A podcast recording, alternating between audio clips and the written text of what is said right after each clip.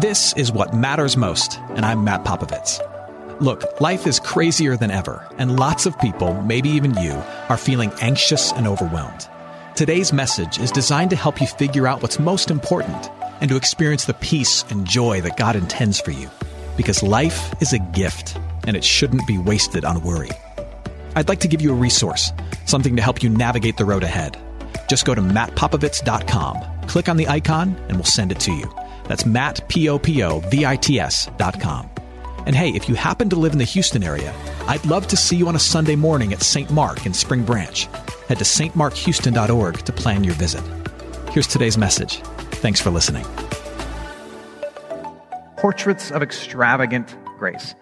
And in this series, what we'll be doing is looking at some, some characters from the Bible, from the Christian narrative, who serve as examples of God's ability to love and make use of anybody.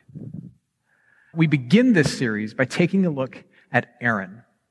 Uh, Aaron uh, was a primary character in the Old Testament. And yet, even though he's a primary character in the Old Testament, he's not all that well known. But he does play a significant role in the history of God's church. Aaron was the older brother of Moses. Moses, the leader of the Israelites, God's chosen people in the Old Testament. Aaron was three years older than Moses. But he served really as Moses' right hand man. He was the unofficial spokesperson, the press secretary for Moses, so to speak, because Moses wasn't all that good at speaking. He was also known for being faithful to his brother not only in being his official spokesperson, but, but also in, in battle and in service to the Lord. There's one moment in the book of Exodus where, where Moses, as the leader of God's people, is asked by God to, to hold up his staff as a rallying point and a sign of God's presence for God's people as they fight a battle. So that as they're fighting the battle, they could look and see their leader, Moses, holding up this staff. And God says, so long as you hold that staff up in the air, that'll be a sign for your people that I'm behind them and they'll have the energy to go and fight. So keep that up in the air for hours upon hours upon hours. And so Aaron, faithful to his brother, he saddles up next to him and he literally holds up Moses' arms as Moses holds up the staff. So there's Aaron for hours holding up his brother's arms with his head buried in his armpit, being faithful to his brother. Aaron was also the chief priest in Israel. He was the, the, the head pastor, so to speak, the pastor of all the other pastors. He was in charge of making sure that God's people worshiped him rightly and that their relationship with God flourished. He was in charge of the intense and intricate sacrificial system, which was an incredibly important and deeply serious role in the life of God's people. Aaron was a faithful man, an important man, an articulate man but also a profoundly sinful man. We see that in the fact that um, Aaron struggled with something that many of us struggle with. It's something that I've wrestled with a lot in my life. It doesn't say it explicitly in the scriptures that Aaron dealt with this, but you can see it oozing from the stories of struggle in his life. Aaron was a people pleaser to his own shame and to the harm of others and to the disrespect of the God he so loved. Aaron longed for the affirmation of other people too much. And so, as we paint his portrait of grace, we come at it from a very particular angle. Aaron's self destructive lust and longing after the applause of others. A more technical definition of a people pleaser might be this someone who seeks out external validation. Someone who needs external validation, the, the applause and the acceptance of other people, that is earned at the expense of trying to please them or satisfy them. So the people pleaser is the person who always says yes and rarely says no. The people pleaser is the person who is there to help you with your plans and, and is ready to help you solve your problems. But the secret of the people pleaser is that while they justify all of their saying yes and all of their helping as, as an outgrowth of their love for other people, the secret of the people pleaser is that they do this in order to feel loved themselves. So that even though they are constantly giving of themselves and justifying this constant and relentless giving of themselves to others in the name of love, what's happening beneath the surface is that they're actually clamoring for and seeking a sense of wholeness and peace and justification and rightness deep in their soul by giving themselves relentlessly and constantly to other people. You see, that's the deep and dirty secret of people pleasers, is that it looks like their life is all about you, but in reality, reality, it's all about them. And that's something people who struggle with this really, really don't like to admit. It has an effect on our lives, too. When you seek personal validation through the relentless chasing after the applause of other people, it comes at a cost. And it's not a minor one. Uh, much has been written about ex- the, the, constant seeking of external affirmation, otherwise known as people pleasing. Um, one of the, the primary psychologists on this has written a list of side effects in the life of the people pleasing person, signs and side effects. And these are the top five. The first is self neglect. You might be a people pleaser if you make sure everyone else is okay to the detriment of yourself. You fail to take care of yourself because you take care of everyone else. Quiet resentment. You harbor bitterness for the fact that you have to help everybody else, but you never tell the people that you're bitter with. Disengagement, uh, otherwise known as a failure to be present. You can't enjoy the things you want to enjoy because you're overwhelmed at the thought of the obligations that await you once you're done with it. Depression, you feel dragged down by the burdens of other people. And then lastly, toxic relationships.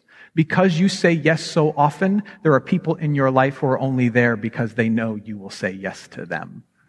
And they end up taking advantage of you. They're not there because they love you. They're there because of what you give to them in the name of love. Does any of this sound familiar to anybody in the room? There are three major moments in Aaron's life that lead me and many others to surmise that he really struggled with this. The first was a moment with his sister Miriam. Moses had a sister named Miriam and the older brother Aaron. And there was one moment where Miriam, as sometimes sisters can be prone to do, was really disgusted with her brother Moses. Only she didn't really have the guts to go after Moses herself because of some of Moses' choices that she didn't agree with. And so she brought Aaron in and triangulated the whole situation and basically whispered in Aaron's ear and said, You should be really upset with whom Moses has chosen to marry. And even though, Mo, and even though Aaron didn't really have a problem with it, even though Aaron didn't really have an issue with his brother, in order to satisfy his sister, who was a very strong personality, and in order to not have her be mad at him, he walked over to Moses and he said and did things that he really didn't mean, that he really regretted, and caused harm to his brother in order to please his sister. None of that happens in your family. The second major moment in Aaron's life has to do with his kids. We get the sense when we read about Aaron and his sons that Aaron was an enabling parent. There are some parents who simply can't say no to their children. And in their inability to say no to their children, they create the worst people in the world. Like you've met those people whose children, they can be like setting the apartment on fire. And mom is just sitting there saying, well, this, this is probably my fault. I failed to cut the crusts off the sides of their sandwich. Perhaps they have a gluten allergy. That's why they're acting crazy. It's really my fault. It's like, no, crusts don't make kids crazy. Bad parents make kids crazy. So Aaron uh, had four sons. All of them served as priests underneath his priesthood. So, so Aaron was the chief priest and his sons were in the family business, so to speak, and they were all kind of minor priests in the whole cultic system. And at one moment, two of his sons did something that in the day and in the time was unspeakable. Uh, the sacrificial system of the Old Testament was serious business. It was serious business because of what it represented. The, the whole process of offering sacrifices in, in the Israelite temple was meant to, to be an expression of Israelites' trust in the fact that one day God would send an ultimate sacrifice to pay for the sins of the world. You see, in the killing of the animals, in the intricate processes, it was an expression of their trust in God's grace and His goodness to offer the ultimate sacrifice. And so God took it really seriously because it was all pointing ultimately to Jesus, the full sacrifice. And it was a way for them to, to reverently and seriously express their trust in the goodness of God. And so it was very strict and it was highly regulated and it was very, very serious business unless you were one of Aaron's boys who thought they could get away with something because their dad was the boss and Aaron didn't hold them to account. So one day, two of Aaron's sons walk into the temple and in the book of Leviticus, I think it's the 10th chapter, it says that they lit an, an, a strange or unauthorized fire, depending on how you interpret the Hebrew. And it caused them to act foolishly. Many scholars believe that they got high in the temple. Those were Aaron's boys. But the biggest moment came with the golden calf. If you have really any knowledge of the Old Testament whatsoever, you've heard of the golden calf. Moses is, Moses is up on Mount Sinai getting the Ten Commandments and he's taking a little too long for Israel's liking. And while Moses is up there getting the Ten Commandments, Aaron is kind of in charge surveying the life of the Israelites and a group of Israelites walk up to Aaron and they're like, Aaron, Moses has taken way too long. He probably fell off the side of the mountain. He got eaten by a wild rabid goat. We don't know what happened to him. He's probably not coming back. So here's, here's what we need. We need someone or something to worship and you're going to make it happen for us and Aaron not wanting to displease the people, even though he knew that God seriously frowned on the making of, of idols of our own hands, because he didn't want to let down the people, he looked at them and he said, Oh, uh, uh sure. I, I, mean, we can do that, I guess. I mean, we could, we, we could take like some, some of your gold and we could melt it down and we could, we could, we could make something to worship. Here's how it happened in Exodus 32. Exodus 32, starting at verse 1, it says this When the people saw that Moses delayed to come down from the mountain, the people gathered themselves together to Aaron and said to him, Up. They were ordering Aaron around. Make us gods who shall go before us. As for this, Moses, the man who brought us up out of the land of Egypt, we do not know what has become of him. So Aaron said to them, Take off the rings of gold that are in the ears of your wives, your sons, and your daughters, and bring them to me. And so all the people took off the rings of gold that were in their ears and brought them to Aaron. And he received the gold from their hand and fashioned it with a graving tool and made a golden calf. And they, the people said, These are your gods, O Israel, who brought you up out of the land of Egypt. They ascribed the salvation from Egypt to this handmade idol. When Aaron saw this, he didn't stop it. He then built an altar to it. I hope you're enjoying today's message.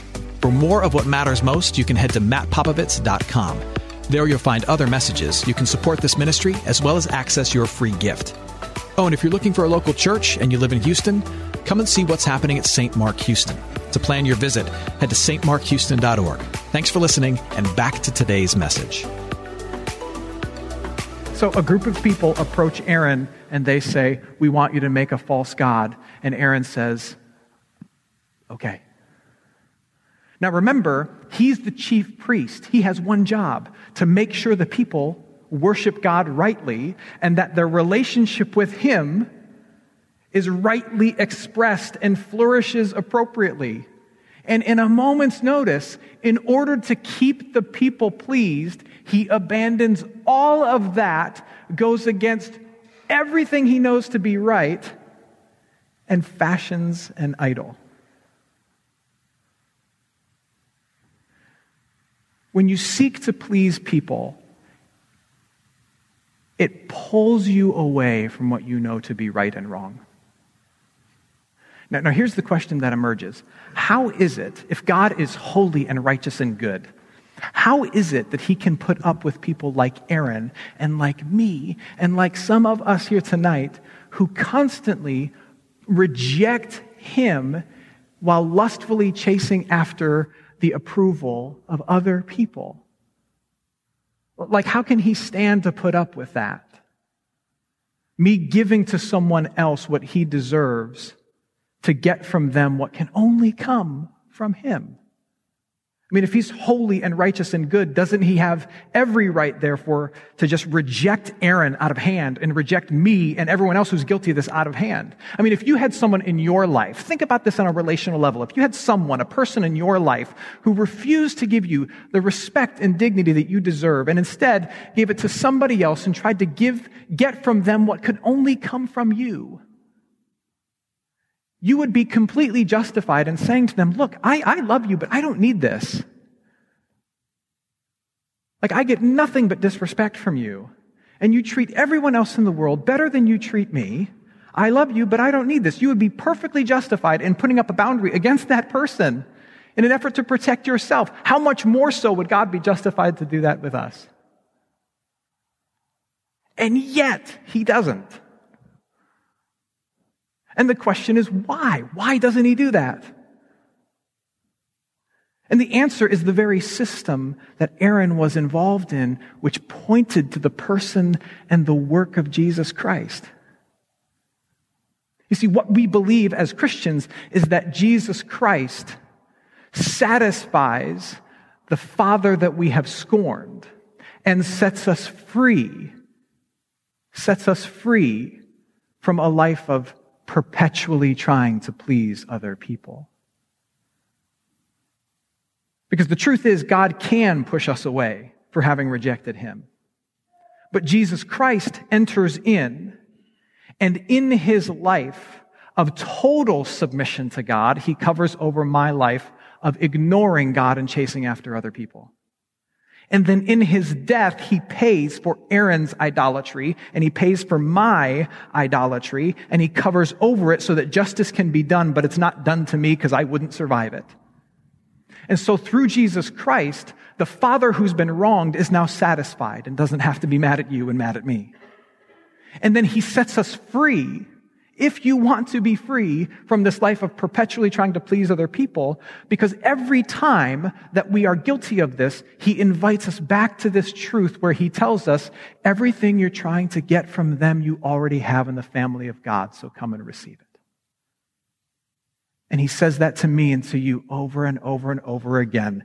I, I give of myself, I break myself under the weight of trying to please other people, and I realize how stupid and foolish it is, and I come crawling back to Christ, and the promise from his word is this everything you were trying to get from them, you already have from the Father and in his family.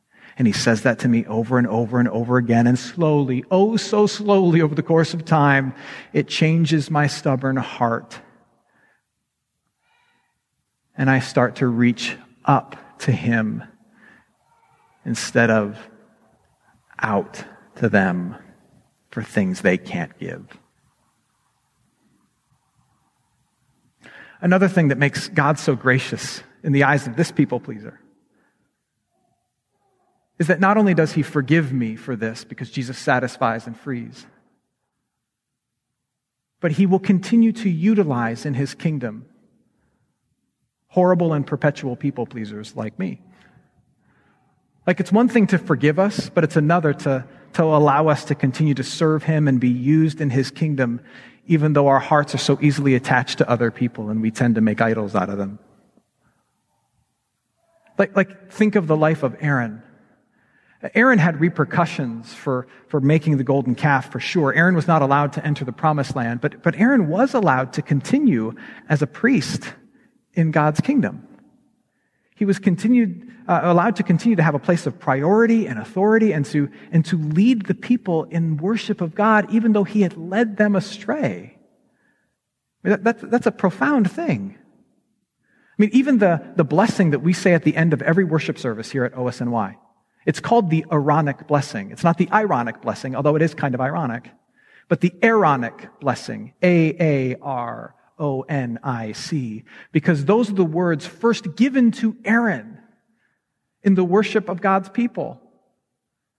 The Lord bless you and keep you. The Lord make his face to shine on you and be gracious unto you. The Lord look upon you with favor and give to you his peace. Those words are thousands upon thousands of years old. They flow from Aaron, the guy who led the people astray, but who was still used by God to give the people of God words like that. And we still use them to this day. See, here's the thing that you may learn eventually the hard way if you're a people pleaser.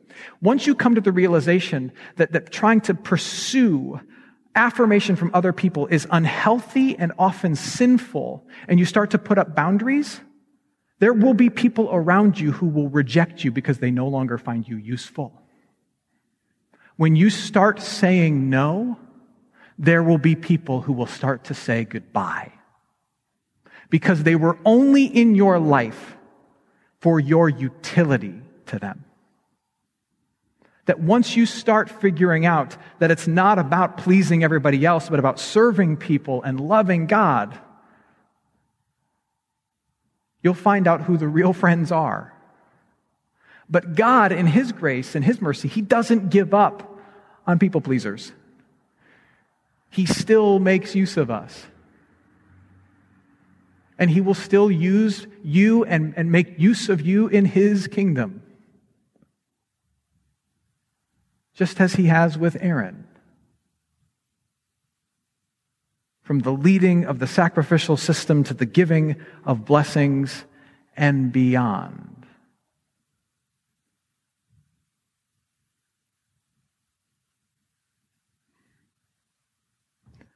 Are you crippled at the idea of letting people down? You might be a people pleaser. Do you find yourself saying yes when you really want to say no? And then being mad at that person who asks you, even though you didn't have the guts to tell them what you really meant? Do you find yourself giving away time you don't have to give or compromising values you really actually wanted to protect? You might be a people pleaser. Your portrait looks a lot like Aaron's. You've got a couple golden calves. But the good news is this your picture, like his, is painted with grace. Because Jesus Christ has satisfied the Father that you have scorned in your people pleasing, and he invites you to be set free from it. And he whispers in your ear over and over and over this truth what you thought you could get from others, you already have in my family. Acceptance, embrace, mercy, and love. I'll leave you with this. For me, the coolest thing about Aaron's story, which is such a picture of, of God's grace, is that when you look at the lineage of Jesus listed in the Gospels, you see Aaron's name there. That Aaron, the chief priest who failed miserably and whose sons failed miserably, ends up the great, great, great, great, great, great, great, great, great, great, great, great, great, great, great grandfather of Jesus Christ.